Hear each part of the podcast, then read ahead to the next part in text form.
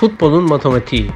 Bulut Furkan Çakmak ve Emre Kuyumcu futbolun ruhunu rakamların büyüsüyle birleştiriyorlar.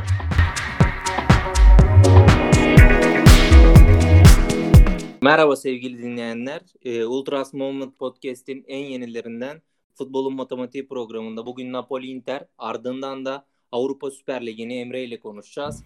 Ben 11'leri saydıktan sonra Emre'ye sözü bırakacağım. Ee, Napoli 11'i Meret, Lorenzo Manolas, Kolibali, Rui, Ruiz, Demme, Politano, Zielinski, Insigne ve Osimen'den oluştu.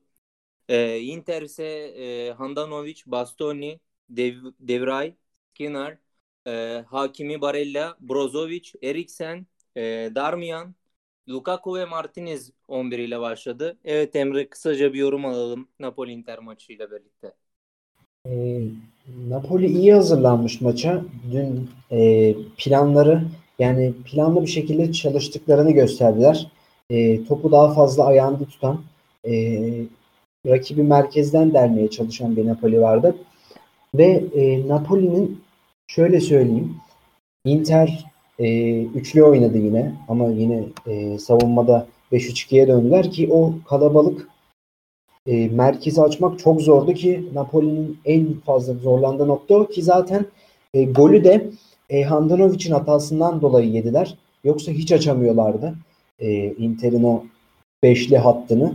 Inter yani dün Inter çok etkili bir oyun planıyla çıkmamış maça.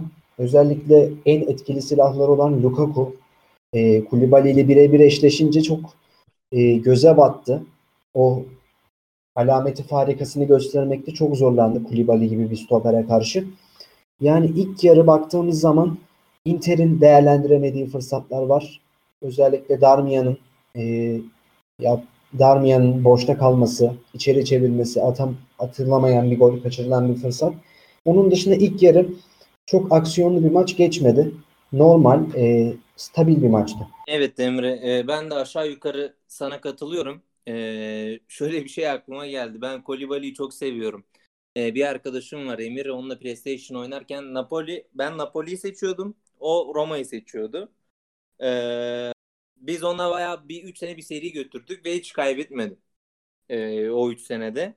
Bunun en büyük nedenlerinden biri Kolibali'nin her topa müdahalesi, her gelen hata savunması ve ileri uçta o zaman e, o zamanki Napoli kadrosunda e, tabii e, şey de var. Hamsik alan e, ve galiba Jorginho e, üçlüsü 4-3 oynuyorlar. E, direkt hücum yapabiliyorsun PlayStation'da olunca. E, Napoli ile e, şey Kolibali ile durdurup direkt topu vurunca e, karşı karşıya kalabiliyordun.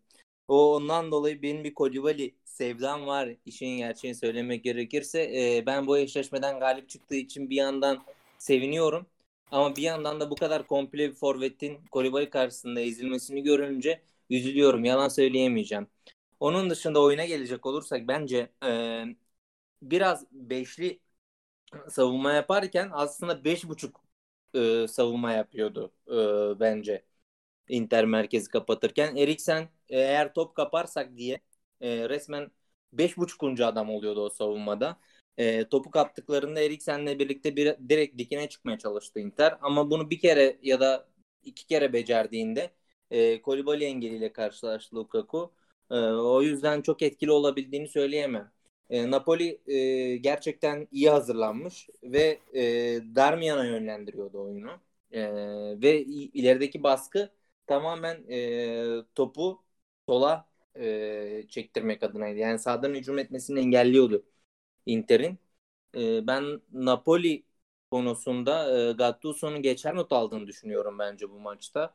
Ama e, şöyle bir şey deselerdi maçtan 45 dakika önce e, yani e, arasalar da hocaları deselerdi bu maç 0-0 hiç maça çıkmayın. Hocalar bence bugün kabul ederdi bu. E, dün bu olayı kabul ederlerdi. Sen ne düşünüyorsun Emin? Bence de kabul ederlerdi abi. E, şöyle o Darmian konusunda çok haklısın. Yani aslında Gattuso'nun e, ikinci bölgede ya da hücumdaki planı şuydu. Ön alan baskılar yerine topu Darmian'a yönlendiriyordu ki Darmian o savunma hattının en zayıf halkası zaten. Yani Hakimi, e, Devir, Bastoni, Darmian beşlisine bak Şikliniyer beşlisine baktığımız zaman en zayıf Falcao ki ona da yönlendirmek çok mantıklıydı. Ki bu işledi de. ilk yarı çok iyi işledi bu. Ama e, işte o beşli hat yani o kompakt savunmayı açabilmek cidden çok zor. Bizim ülkemizde de bu sıkıntılar zaten yaşanıyor. Ki bu dünya futbolunun e, büyük bir sorunu haline geldi. Özellikle Antalya Spor'un katı savunmasını açmakta çok zorlanıyor takımlarımız. Ya Inter'de bir gün kompakt savunmayla e, kalesini iyi savundu ki zaten e, golü de çok saçma bir goldü. Handanovic'in hatasından yedi. Ama hücumda savunmada ne kadar etkiliyse hücumda bir o kadar etkisizdi Inter. Valla Emre e, ben bunun biraz da e, Inter maçından önce olan e, Atalanta Juventus maçıyla da ilgisi olduğunu düşünüyorum. Atalanta 1-0 galip e, geldikten sonra Conte de düşünmüştür ki bir puan bana yeter. Yani hiç e, hücum yapmaya bile gerek yok. Sıfır tutsak alırız. Hani e, biraz daha sakin oynayalım. Daha az yorulalım. E, şampiyonluğa adım adım gidelim. Biraz güvenlik e, davrandığını düşünüyorum ben. bir de Emre e, şöyle bir şey ekleyeceğim. E, ben Inter hücumunda şunu gördüm. Conte e, Barella'ya demiş ki e, sen her ne olursa olsun geçen maçlarını da e, izlediğimde Inter'in bunu e, gözlemliyorum tam olarak. Sen her ne olursa olsun ceza yayını o koşuyu yapacaksın. Her ne olursa olsun. E, bu sürpriz koşuyu yapacaksın. Bence bu e, kapanan yani kompakt savunma yapan e, takımlarda ileri çıkarken e, uyguladıkları iyi, iyi bir trik olduğunu düşünüyorum. E, bir de sana şöyle söz, sözü atacağım. Bizim izlediğimiz her maçta bu direklerin davası ne? E, merakla bekliyorum senin de düşünceni. Yani abi bilmiyorum. Çok şanssız geliyoruz galiba izlediğimiz takımlara. Yani Barcelona Real Madrid maçı direkler vardı. Hele özellikle Barcelona'nın son dakika direği vardı kaçırdı. ee, Paris Saint Germain, Bayern Münih onda da yine direkler vardı. Bunda da var ki yani bilmiyorum. Yani biz herhalde şanssız geliyoruz izlediğimiz takımlara. Büyük ihtimalle Emre. Ee, onun dışında e, şöyle bir not almışım Emre. E, Osimen demişim büyük bir soru işareti. E, bence Osimen Mertens değişikliği daha daha önce olmalıydı. E, çünkü Mertens ben bilmiyorum fiziki durumunu, e, mental durumunu şu an bilmiyorum. Ama Osimen Mertens değişikliği daha önce olsaydı belki e, o kompakt savunmayı e, Insigne Mertens ikilisiyle daha çabuk aşabilirdi diye düşünüyorum e, in, e, şey e, Gattuso'nun. Çünkü e, şöyle bir şey vardı. E, Osimen her topu ayağına aldığında 3 kişi veya 4 kişi kompakt bir şekilde karşısında duruyordu. E, Osimen biraz daha geniş alan isteyen bir oyuncu. E, ama Mertens'le e, hem duvar olarak kullanabilirsiniz Mertens. Ayakları iyi. Hem derine gelip topu açıp e, stoperleri kaydırabilir e, olduğunu düşünüyorum. Ee, senin fikrin nedir Emre? Abi dün Osimen konusunda zaten konuştuk. Yani Osimen çok potansiyelli bir oyuncu bu arada. Hani e, ciddi manada potansiyeli fazlasıyla olan bir oyuncu. Ama biz bonservis bedeli üzerinden konuştuk ki dün de zaten etkili bir performans sergilemedi. Yani şu an e, baktığımız zaman 70 milyon euro gibi bir para ödenmiş Osimen için. Ve bu sezon aldığınız katkı 17 maç, 5 gol, 2 asist. Hani potansiyeli var ama e, hem Lille performansı da çok iyiydi ama hani çıkışı daha çok yeni olan bir oyuncu e, için 70 milyon euro bonservis bedeli ödemek ne kadar mantıklı geliyor bana. Yani 70 milyon euro parayı Napoli kendi kadrosuna oranla çok daha etkili bir şekilde kullanabilirdi bana kalırsa. Ee, yani Mertens konusunda kesinlikle katılıyorum. Daha erken gelebilirdi. Ki Insigne'de Mertens de 3. bölgede çok hareketli. Yani savunmaları hareket ettirebilecek oyuncular. Yaptıkları savunma arkası koşularıyla, adam eksiltebilmeleriyle e, Inter savunmasını hareket ettirebilecek kapasitede. Ama Gattuso'nun Osimhen'de neden bu kadar ısrarcı olduğunu anlayabilmiş değilim. Bence bu ısrarı ona bir yerden sonra zarar vermeye başlayacak. Öyle gözüküyor. Çünkü dediğin gibi Osimhen geniş alanları seven bir oyuncu. Yani dün Inter savunmasının içinde resmen kayboldu. Aynen öyle. Asimetrik bir üçlü oynuyorlar. Hatta beşli diyebiliriz. Ee, yani e, her adımda yani şöyle bir şey var. Topu aldığınızda tek vuruş yapmanız gerekiyor e, Inter savunmasına karşı. Tek oynamanız gerekiyor. Çünkü siz eğer topu bir kere dürtür, dürte, dürterseniz e, cezai çevresinde sizin başınızda 3 kişi birden oluyor. E, bu e, çok büyük bir sıkıntı bir forvet oyuncusu için. Geniş alan seven forvet oyuncusu için. Orada biraz daha böyle e, tek meziyetleri, tek top yapabilecek meziyetleri, sırtı dönük alver yapabilecek meziyetleri olan bir forvete ihtiyacınız oluyor. Ben o yüzden Mertens biraz daha erken bekliyordum. İşin gerçeğini söylemek gerekirse. Onun dışında e, sana maç izlerken bir şey söylemiştim e, Inter adına. E, dedim ki e, yani ben Inter yerinde olsam 10 milyon euro bandında giderim sol, sol ayaklı bir stoper getiririm e, Marcao'yu. Belki şimdiden gider söylerim sözleşme imzalattırmam bedavaya getiririm. Çünkü Conte'nin elinde e, direkt çıkışlarda çok büyük bir silaha dönüşebileceğini düşündüm. Dünkü savunmayı gördükten sonra çünkü çok dar alanda savunma yapıyorlar. Geri koşmasına gerek yok ve bu bütün defolarını kapatıyor Marka. Evet abi. Ee, ya ben Marka konusuna katılıyorum. Şöyle katılıyorum. Ee, ayaklarını iyi kullanan bir oyuncu Markao. Özellikle zaten onun bence bu kadar talep görüyor oluşu sol ayaklı pasör bir oyuncu. Bir stoper olmasından dolayı. Yani Inter'in oyun planının uyduğunu düşünüyorum. Ama bugün Marcao dediğimiz adam, Marcao dediğimiz oyuncu e, geniş alan savunması yapan takımlara karşı çok zor. Takımlarda kendini çok gösteremeyebilir. Ama Inter'e baktığımız zaman e, o dar alan savunmasını iyi yapabilecek bir oyuncu Marcao. Çünkü geniş alanda şu yüzden tereddütlerim var. Özellikle birebirlerde çok sıkıntısı olan bir oyuncu. Çok kolay çalınıyor Marcao.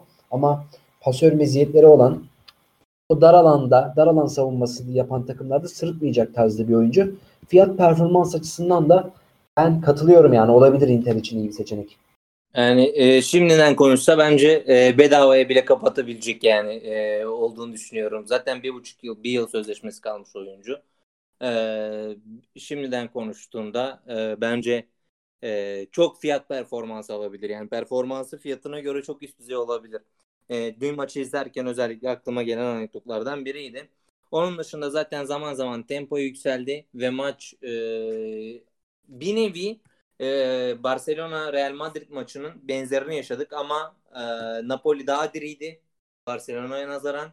E, direkt çıkışları çok çabuk engelledi. Inter'de de bir tane Vinicius Junior yok ki alsın 60 metre 70 metre arkasından sürüklesin herkesi. E, sen son olarak ne söylemek istersin maç adına? Seni deniyorum Emre. Ee, abi yani şöyle söyleyeyim. Dün Eriksen'in golü çok güzeldi. Eriksen çok güzel bir gol attı. Onun dışında söylemek istediğim yani çok çok çok heyecanlı bir maç geçmedi. Ama dediğin gibi iki takım da beraberlikten beraberliği üzülmüş müdür? Bence asla üzülmemiştir. Ama Inter kazansa belki de yani şu an kesin şampiyon yani şampiyonluğun oranını çok yüksek art, çok yüksek bir derecede arttırırdı. Ama olmadı. Yine de favori gibi gözüküyor Inter. Ki bu sene Juventus'un formsuzluğunu düşünürsek on, e, o da Juventus'ta Inter'in e, Inter'i çok şey yaptı. Yani Inter'in Inter zaten geçen sene de e, iyi bir e, Juventus geçen sene Sarri ile birlikte şampiyonluğu böyle çok dominant bir oyunla kazanmadı zaten. Yani çok puan kayıpları yaptı sonlara doğru. Yine zaten Inter peşindeydi. E bu sene Pirlo gibi deneyimsiz, daha önceden herhangi bir tecrübesi bulunmadan direkt takımın başına getirilen bir antrenöre karşı Conte'de yapması gerekeni yaptı bence. Yani şu an 75 puandalar. En yakın rakipleriyle aralarında 9 puan var. Şampiyon olacaklar gibi gözüküyor.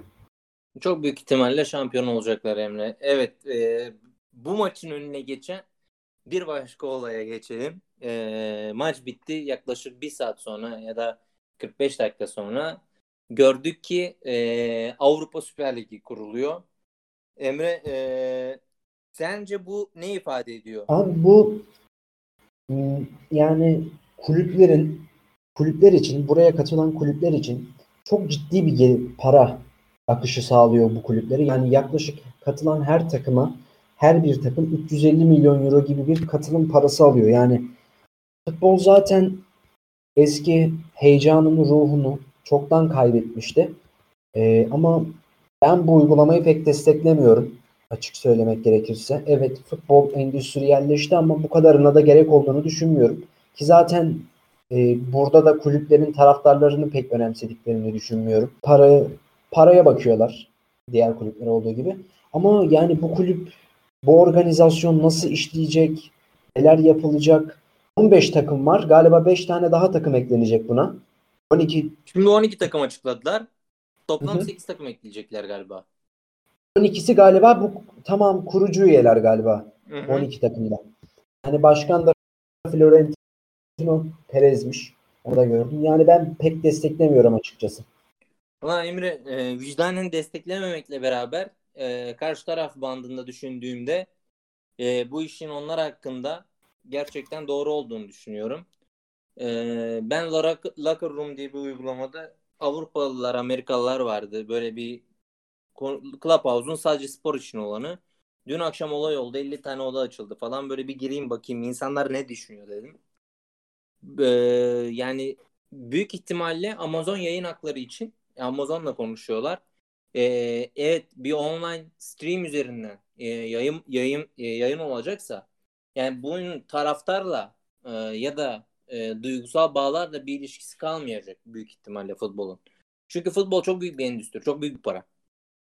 Para akışının çok güzel, çok rahat sağlandığı bir şey. Ee, büyük e, para aklama aracı e, olarak görülen bile, görülebilen bir şey futbol. Siz futbolla her şeyi yapabilirsiniz. Paranızı aklayabilirsiniz eğer e, kirli yoldan para kazanıyorsanız. E, bu şekilde görüldüğünü de düşünüyorum. Yani e, ben olsam e, büyük ihtimalle kulüp başkanı olsam ben katılmak e, isterim. Çünkü 350 milyon lira, ay, 350 milyon euro e, dünya çapında çoğu kulüp için iyi bir para. E, tamamen ekonomik e, özellikle şu pandemi şartlarında gelirlerin bu kadar düşmesiyle birlikte e, sizi ekonomik olarak destekleyecek bir e, davranış. Sizin en azından 5-10 yılınızı finanse edebilecek e, bir para olarak gözüküyor. Onun dışında evet e, futbolun romantizmi e, tamamen kayboldu. Yani tamamen e, büyükler birbirleriyle, küçükler birbirleriyle oynayacaklar. E, sürpriz ne demek e, belki unutacağız e, ilerleyen zamanda. Ama elbet e, bu istense de istenmese de e, taraftar grupları ne kadar e, eylem yapsa da kabul etmese de e, 3-5 yıl sonra e, herkes buraya girmek için çaba sarf edecek. Herkes davetiye için e, bir nevi peşinden koşacağını düşünüyorum. Çünkü e, ekonomi böyle bir şey. Para bir yerde varsa herkes o pastadan almak ister. Herkes o pastanın ucundan tutmak ister. Futbolda bir endüstri artık. E, duyguların, bağların ve gönüllerin e, sporu değil. E, futbol asıl sahiplerine geri dönüyor. İşin gerçeğini söylemek gerekirse. E, bilmiyorum. Yani bir vicdanen bunu kabul edemiyorum ama e, mantık olarak baktığımda ben Real Madrid maç başkanı olsam e, mesela Mbappe'yi transfer ettim e, Paris Saint Germain'den 250 milyon euroya gelip Star- Spartak Moskova ile oynamak istemem. Yani niye Mbappe'yi Spartak Moskova ile karşı karşıya getireyim? Abi bu 350 milyon euro dediğimiz para hani dört büyükleri saymazsak hatta Trabzonspor'u da katalım. Trabzonspor e, diğer e, o üç büyüklere kıyasla daha mütevazı bütçelere sahip bir kulüp. Evet. Borcu tamam yani borcu var ama hani bir Fenerbahçe kadar 4 milyar lira da borcu yok. Trabzonspor'u da katalım. E, ligde 18 takımın borcunun tamamını kapatır. Üstüne de e, yarısından fazlası da kalabilir. E, aynen öyle. Aynen öyle. Çok büyük bir bütçe. Yani e, şöyle düşünüyorum. E, bizim açımızdan düşünüyorum. E, herhangi bir takım buraya kabul ediliyorsa ve e, davetiye gidiyorsa veya gidecekse herhangi bir takım açısından e, direkt hayatındaki takım ömrü olarak yani takım ömrü olarak hayatındaki ilerisindeki 15-20 seneyi finanse ediyor demek. Özellikle bizim gibi düşük bütçeli liglerde bu e, çok büyük para. Belki Madrid için süper über para değil ama bizler için süper ve über bir para. Ee, eğer bu değişim kaçınılmazsa e, bu değişim e, olacaksa ki bence bu saatten sonra geri dönüşü zor. E, ne yapıp ne edip e, kim kurtarıyorsa kendini kurtarmalı diye düşünüyorum. Çünkü e, vicdanen çok üzülüyorum. E, futbol gerçekten duyguların, hislerin e, ve taraftar duygusunun e, çok üst düzey yaşandığı bir spor. Herkes gönülden desteklediği takımla birlikte e, şampiyon olmak istiyor. E, her herkes bir mucize istiyor. Herkes bir hikaye istiyor futboldan aslında. Ama e, bu hikayeler bence biraz eskide kaldı. E, zaten daha önce bitmişti yani 2000'lerin 2010'ların başlamasıyla birlikte futbolun e, tamamen bir endüstri haline geldiğini görmekteydik yani. E, Anji, Zenit örnekleri, City Group örneklerini görmekteyiz. Görüyoruz. E, biraz da e, bu yönden değerlendirmek lazım. Bir, pas, bir pasta varsa oradan payı kimin alacağı çok önemli. E, eğer bizim ülkemizden bir takım o pastadan pay alıyorsa e, gerçekten 15-20 senesini garanti altına alıyor. Bence de Onun abi. dışında Emre sen bir şey anlatmıştın. Ee, bu Perez'in bir açıklamasını okumuşsun. Ee, ne demiş? Ee, FIFA yaptırım uygularsa etkilenmeyeceğiz mi demiş. Ondan bahseder misin? Şöyle FIFA'nın e, galiba öyle bir yaptırımı söz konusuydu ama ne kadar doğru bilmiyorum. Hani Avrupa Süper Ligi'ne katılan e, oyuncuların, kulüplerin e, örneğin diyelim Real Madrid'de Toni Kroos katılıyor diyelim. Hani mesela e, Toni Kroos'un Almanya milli takımında, Dünya Kupası'nda, işte FIFA'nın düzenlediği organizasyonlarda, milli takımlar bazındaki organizasyonlarında oynamama gibi bir yaptırım ne kadar doğru bilmiyorum. Öyle bir galiba muhabbet geçiyordu. Florentino Perez de e, ona ithafen işte e, yaptırımın bir önemi yok. Gerekirse kendi e, dünya kupamızı oluştururuz gibisinden böyle kendi e, resmen yok sayıyor gibi bir durum sezdim. Yani onu gördüm. Biraz komiğime gitti açıkçası. Yani nasıl yapacaklarını bilmiyorum. Öyle bir yaptırım uygulanması uygulanması konusunda. Ya ama şöyle bir şey var. Ee, düşünüyorum ee, Real Madrid e, takımını. E, burada milli oyuncular var. E, ve Real Madrid takımı popüler bir takım. Buradaki milli oyuncuları siz Dünya Kupası'na çağırmazsanız yani bunları engellerseniz sizin Dünya Kupası izlenirliğiniz de düşer. Yani bu çok doğru bir yaptırım mı bilmiyorum. Başka türlü yaptırımlar olabilir bunu engellemek adına. Ama e, böyle bir savaş açarsanız eğer eğer kapitalist düzende paraya savaş açarsanız para sizi yer. E, o yüzden biraz e, üzücü bir durum. Ya dünya kapitalist e, biraz da bu bununla alakalı. E, Gary Neville'ın bir paylaşımı vardı. Sosyalizm herkes için diyor. Aa, burada bir propaganda gibi duruyor.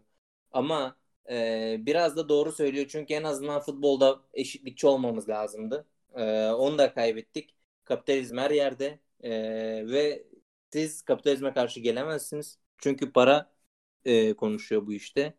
E, para konuşunca da paraya karşı savaş açtığınızda bence kaybedersiniz. Bence FIFA e, bu yaptırımları da uygulayamayacak. Çünkü karşıda çok devasa bir bütçe var. Hani e, bu bütçe nasıl e, ekart edilir bilemiyorum. Düşünemiyorum. Ama e, şöyle fikirler doğuyor. Bunu yapmayın. Ligleri yarı yarıya takımlara indirelim. Evet, bence mantıklı olabilir. E, yani e, sayılar değil de gerçekten gördükleri gördüğümüz oyunlar e, değerlenebilir. Sen ne düşünüyorsun Emre? Yani abi çok dönülmesi zor gibi duruyor. Büyük ihtimalle yani bu gerçekleşecek. UEFA'da, FIFA'da bunun önünü alamayacak gibi gözüküyor şu an için.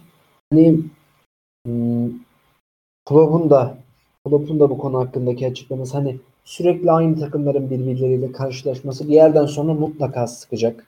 Mutlaka seyir zevki, kabak tadı vermeye başlayacak. Yani bu organizasyonda o heyecanı e, diri tutmak için ne yapabilirler diye düşünüyorum. Aklıma herhangi bir seçenek gelmiyor. Yani büyük ihtimalle bu olacak ama bir yerden sonra da kesinlikle kabak tadı verecek yani. Valla Emre ben şöyle düşünüyorum. Ben futbolun da kurallarının değişeceğini düşünüyorum. Yani e, maç süresi 90 dakika. E, uzatmalarla beraber e, devre arasıyla beraber 2 saat bir yayın kuşağı demek futbol. E, 2 saat 2 saat 15 dakika bandında bir yayın kuşağı demek. Bence e, süreler kısalacak ya da e, sahalar küçülecek. E, çünkü gol ve heyecan aranacak e, bu tüketimde. Yani bir tüketim toplumunda tamamen bu bu isteniyor. Futbol ne üretiyor? Gol üretiyor. Heyecan üretiyor. Heyecan üretilmesi için sürenin kısa, e, sahanın dar olduğu, futbolun daha hızlı olduğu, daha tempolu olduğu bir e, şeye girersek, yani bir döngüye girersek bence futbol kural, kuralları da değişecektir. Yani daha fazla gol, daha fazla e, mücadele, daha hızlı bir oyun e, vaat etmesi gerekiyor e, tüketiciye e, yeni oluşumun. Ki büyük ihtimalle bunların da planlaması yapılmıştır e, o kulüpler nezdinde. E, ben futbolun tamamen e, 90 dakika değil e, daha kısa sürelerde e, bu saha ölçüleri de değil belki daha küçük saha ölçüleriyle e, kuralların yeniden yazılmasıyla e, değişeceğini düşünüyorum önümüzdeki 15-20 yıl bandında. Bu e, dün akşam atılan tweet e, açıklanan e, Avrupa e, Süper Ligi şeyi bence futbolda yeni bir çağ açıyor. E, bu çağ nasıl olur, nasıl gider bilmiyorum. Ama biraz üzücü. Bizler için üzücü. Çünkü bizler e, Şampiyonlar Ligi maçları bekleyen e, Spartak Moskova ile Bayern Münih maçı bekleyen insanlardık. E, biraz romantizm arıyorduk. Kızıl Yıldız deplasmanını e, Madrid'in Kızıl Yıldız deplasmanına gelmesini bekliyorduk mesela. E, böyle şeyler istiyorduk ama büyük ihtimalle bu saatten sonra çok zor olaylar ve kalmayacak yani. Evet abi. Şöyle bir son dakika bilgisi vereyim. Avrupa Süper Lig kulüpleri FIFA 22'den başlayarak FIFA oyunundan çıkacağını açıklamış. Yani FIFA önümüzdeki e, oyun 20 FIFA 22'de Avrupa Süper Lig kulüpleri bulunmayacakmış. İşte Emre e, yeni bir oyun piyasası demek. Mesela e, EA Sports mu alacak, Konami mi alacak? Bu da bir pazar. Hepsinin lisansı Örneğin futbol menajer ne olacak? Futbol, futbol manager nasıl olacak? Bunların lisansları nasıl alınacak? Nasıl olacak? Bunların hepsi e, bu da ayrı bir pazar. Yani bir oyun pazarı var bu iş. Bu işin bir festival pazarı var. E, futbol müsabakaları bir festival havasında geçiyor. Üç gün, iki gün konaklamalar, onun dışında organizasyonlar. E, evet para artacaksa organizasyonlar da büyüyecek. Bunların hepsi para demek. Yani kapitalist sistem bunların hepsini e, sunuyor. Parayı ortaya sunuyor. Ve FIFA buna karşı çıkıyorsa büyük ihtimal e, FIFA e, bu kapitalist sistem karşısında mağlubiyete uğrayacak. Çünkü e, gerçekten kuvvetli geleceklerini düşünüyorum. E, herhangi bir yaptırımla karşılaşsalar bile elindeki paraları kullanacaklarını düşünüyorum. Ki e, şöyle söyleyeyim sana. Bence Adidas, Nike e, gibi e, spor ürünleri üretenler, e, çim üreticileri, ondan sonra e, oyun konsolları, e, tut yiyecek içecek gıda, e, tut e, gaz üreticileri, petrol üreticileri, e, bunlar bu oluşuma reklam vermek için sırasıyla yarışacaklardır. Ve bu da çok büyük bir para havuzu demek. E, ben benim en büyük endişem e, şu e, tamamen ikinci, üçüncü liglerin e, özellikle e, gelişmemiş ülkelerdeki ikinci, üçüncü liglerin çöpe atılması, hiç izlenmemesi, belki yayınlanmaması e, gibi şeylerin olacağından çok korkuyorum. Ama nasıl olur bilmiyorum. E, bu arada abi şöyle Mourinho bugün görevine son verilmiş Mourinho'nun. Sence evet. yerine kim gelebilir? Yani e, Mourinho kariyer olarak iyi bir yere gitmedi. Son özellikle 3 yılı iyi geçmemiş. Onun adına kariyer adına kötü oldu bence. Yani sence kim yerine gelebilir? Ben Allegri'yi düşünüyorum. Hani bir sinyal çakmıştı bu sezon. Premier Lig'de Şimdi Premier Lig için e, biliyorsun ki İngilizce şart yoksa dalga geçiyorlar. Yani o, oradaki basın mensupları olsun, etrafındaki yöneticiler olsun. Çünkü e, şey yani iletişemeyen bir insanın İngiltere'de barınması çok zor. E, bilmiyorum Allegri'nin dil seviyesi ne durumda? Yani ne kadar e, iyi durumda İngilizcesi. E, e, bu konuda şey Bielsa'da e, İngilizce bilmiyor abi ama mesela federasyon herhalde Leeds United bir izin almış. Tercümanla birlikte işini görüyor ki Bielsa da bu sezon e, bence iyi iyi bir sınav veriyor. Yani onun da İngilizcesi yok mesela. O da tercüman evet. yardımıyla iletişimini kuruyor ama fena değil. Allegri gelirse ben pek bu konuda sıkıntı yaşayacağını zannetmiyorum. Yani onun dışında Allegri bence Tottenham bilmiyorum ol, olabilir tesi var yani. Ee, eğer takıntılı bir oyun oynamayacaksa Tottenham içinden daha farklı oyunlar çıkabilir yani. Ee, Mourinho'nun yaptığı hata şuydu. Kendi oyunundan taviz vermeyip e, kendini yenilememesi. Hani sen atmışsın bir tane belki ikinciyi de atacaksın ama kapanıyorsun. Bekle bekle bekle bekle bekle bekle. Yani 85 dakika beklersen adam da sana 40 dakika gelirse e, yiyeceksin yani. Futbol bu. Adamın armut toplamıyor yani sonuçta.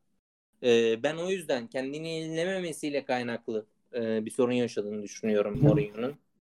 Ama e, Mourinho belki bir sene iki sene kendini e, böyle kapatıp yenileme düşüncesiyle hareket ederse e, bilmiyorum yeniden geri dönebilecek potansiyelde bir hoca.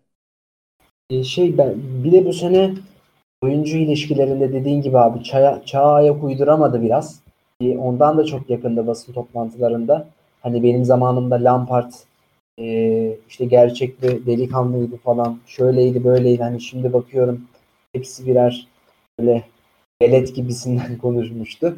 Hani bu konuda biraz da onun sıkıntısını yaşadı. Yani oyuncuların değişen, globalleşen dünyada oyuncular teknolojinin de gelişmesiyle beraber e, haliyle mesela eskiden e, Lampard'ın çalış Lampard mesela örnek verdi Mourinho. Mesela o adı, o gibi oyuncular o zaman teknoloji de fazla gelişmediğinden dolayı kendilerine daha fazla zaman ayırabiliyorlardı. Sosyal medyadan daha uzak kendilerine daha fazla fokuslanarak çalışıyorlardı. Arkadaşlarıyla daha fazla vakit geçiriyorlardı ama şimdi baktığımız zaman e, futbolcunun dinlenme anlayışı PlayStation oynamak oldu. Yani bu konuda Mourinho biraz sıkıntı yaşadı. Bence dediğin gibi kendini biraz güncellemesi, çağa ayak uydurması lazım. Aynen. Yani bir de kuşak farkı Emre. Yani Mourinho e, ile yeni kuşak arasında aşağı yukarı 40 yaş vardır. Vardır abi e, bu 40 yaş az bir süre değil. Özellikle yani 2000 doğumlu bir çocukla Mourinho'nun anlaşması için e, 2001-2002 doğumlu bir çocukla Mourinho'nun anlaşması için biraz kendini yenilemesi gerekiyordu. Biraz ondan uzak kaldığını düşünüyorum. Onun dışında hoca hala aynı hoca. Zeka hala aynı zeka. E, biraz kendini yenilerse yeniden e, başarılı sezonlar geçirebileceğini düşünüyorum. Onun dışında e, Allegri Tottenham için her şey çok açık. Yani e, her şeyi oynayabilecek bir e, oyuncu grubuna sahip Tottenham. Ama e, ne olur, nasıl gider bilmiyorum. Ki e, bu Avrupa Süper Ligi'nde e, boy gösterecekler e, gibi duruyor. Eğer e, bu parayı aldılarsa e, şeyi e, Mourinho'yu kovmak çok daha kolay olmuştur bu parayı düşünerek. Çünkü 40 milyon euro gibi bir tazminat e, söz konusu e, Mourinho e, kovulmasında.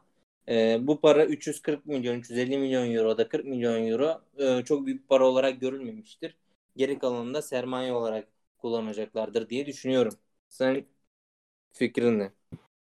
Abi yani şöyle ben Tottenham'ın getirebileceği teknik direktör adaylarını düşündüğümde hani aklımdan geçen az çok şöyle hani belki diyorum belki Lampard diyorum ama o da zor. Hani Chelsea'de sonuçta pek parlak bir dönem geçirmedi. Özellikle bu sene transfere harcadığı para bu her gelmeden önceki performansı olsun. Kötü bir vibe bıraktı. Ama hani belki Lampard'ın tecrübe kazanmasından dolayı belki düşünürler diyorum. Ama ben Allegri daha fazla, daha ağır basıyor bende şu an. Hani e, Allegri tarzı bir hocayı isterler diye düşünüyorum. Sarri bakıyorum Sarri ama Sarri'de şöyle bir sıkıntı var. Yani Sarri e, her gittiği takıma öyle bir zarar bir zararı dokunuyor Sarri'nin her gittiği takıma. Valla bence de Emre e, Allegri çok kuvvetli. Ama şimdi biraz para konuşacaksa ben e, Nagelsmann'a falan da gidebileceklerini düşünüyorum. E, Nagelsmann konusunda abi geçen e, yayından geçen podcast'teki yayından sonra konuştuk. E, Bayern Münih lig e, Almanya milli takımının başına geçiyor galiba. Böyle iddialar var. E, Bayern Münih Nagelsmann için çok istekliymiş. Öyle söyleniyor. Hani Nagelsmann da galiba olumlu bakıyormuş buna. E, yani ne dersin abi Nagelsmann mesela Bayern Münih?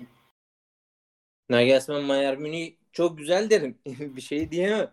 E, ama e, şöyle söyleyeyim. Nagelsmann, Bayern Münih benim akıl yani Nagelsmann için çok güzel derim.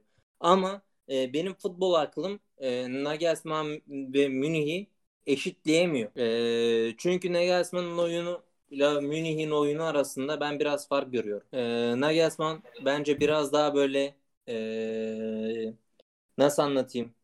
İngiltere Premier Ligi'nde tempo ile oynayabilen e, ya da İtalya'da tempo gösterebilen bir takımda olmasını e, tercih ederim. E, Münih ise e, dominant bir oyun ve sürekli kazanmaya yönelik e, bir e, futbol algısı. E, Nagelsmann'ın ise sürekli kazanmaya yönelik değil de oyunu geliştirmeye yönelik bir futbol algısı olduğunu düşünüyorum. Yani senin görüşün ne Emre? Yani abi e, ben de katılıyorum. E, sonuçta Bayern Münih ki Nagelsmann galiba e, Bayern Münih e, daha önce de teklif yapmıştı diye hatırlıyorum. Hı hı. E, ilk revaçta olduğu zamanlar hani 28 yaşında bir teknik direktör abi e, çıkmış e, küme düşecek denilen takımı kurtarıyor resmen. Sonra e, Leipzig gibi bir proje takımına gidiyor. Ve orada da başarılı bir performans sergiliyor. E, ki geçen sene zaten yarı finale çıktılar galiba Şampiyonlar Ligi'nde. Paris Paris'e mi elendiler yanlış hatırlamıyorsam. Ben de öyle, Öyle hatırlıyorum. yani. E, yani Nagelsmann kendine bir kariyer yolu çizmiş. Öyle gözüküyor. Daha önce Real Madrid'de Bayern'den gelen Bayern'den gelen teklifleri de reddetmişti ama şimdi gitmeye hevesli. Yani ben biraz erken olduğunu düşünüyorum kendisi için Bayern Münih'in. Biraz erken. Biraz bir, bir tık daha basamağa ihtiyacı var abi. Çünkü e, dediğin gibi farklı oyun kültürlerini bir görse daha iyi olur onun adına. Büyük ihtimalle. Farklı oyun kültürlerini görse daha iyi olur. Ben de öyle düşünüyorum.